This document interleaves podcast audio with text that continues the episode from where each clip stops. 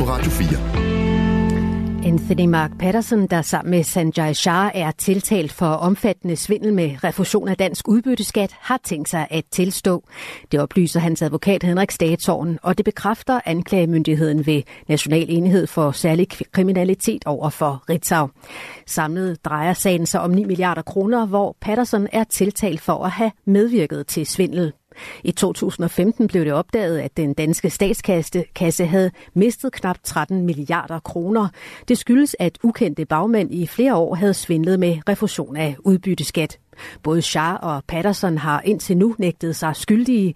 Sagen imod dem skulle være plan, efter planen være gået i gang 29. februar. Sanjay Shah nægter sig fortsat skyldig. Det kommer ikke til at have direkte betydning for, om Sanjay Shah vil blive dømt for svindel med udbytteskat, at den medtiltalte i sagen, Anthony Mark Patterson, vil tilstå det, han er anklaget for. Det vurderer professor i selskabsret ved Copenhagen Business School, Søren Friis Hansen, over for Ritzau.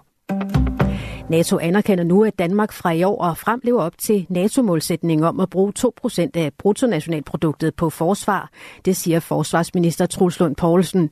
Det er første gang siden NATO-målsætningen blev opstillet i 2014, at Danmark rent faktisk lever op til den.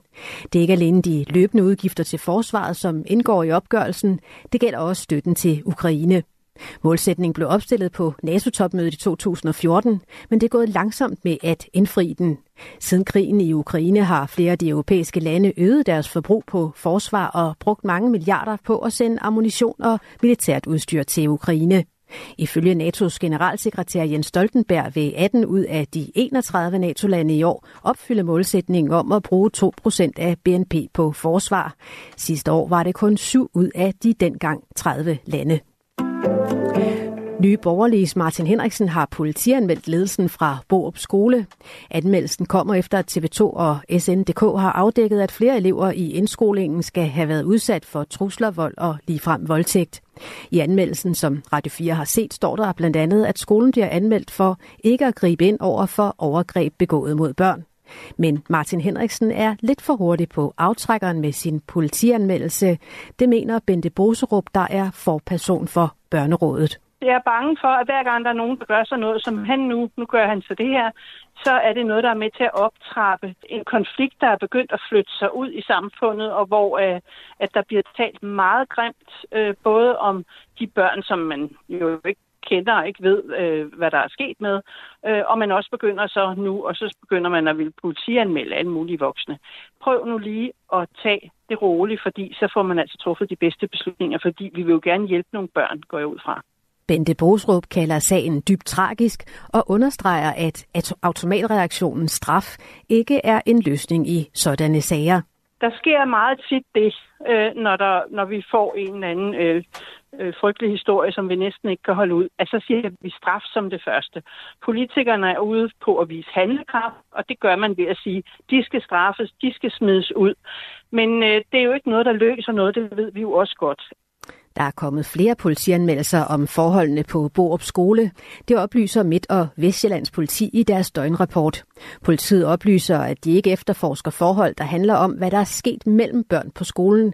For i tilfælde, der handler om børn, er det ikke en politisag, men en sag for de sociale myndigheder, lyder det fra politikredsen.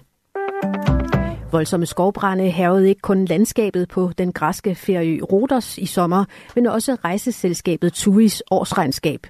Driftsresultatet for regnskabsåret 2022 var et underskud på godt 6,3 millioner kroner.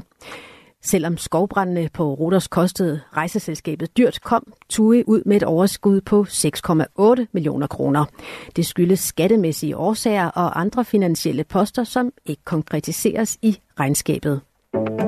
Et EU-sundhedsprogram har givet knap 28 millioner kroner til at styrke den danske overvågning af infektionssygdomme. Pengene går til Statens Serum Institut. Her skal pengene bruges på at forbedre overvågningen af infektionssygdomme i samfundet.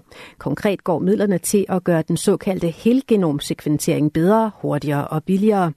Helgenomsekventering gør det muligt at skelne forskellige mutationer af den samme sygdomsfremkaldende organisme. Vejret her til eftermiddag tørt, dog med risiko for dis eller tåge. Temperaturer mellem 3 og 7 grader. Svag til let vind. Det var nyhederne på Radio 4 med Angela Brink.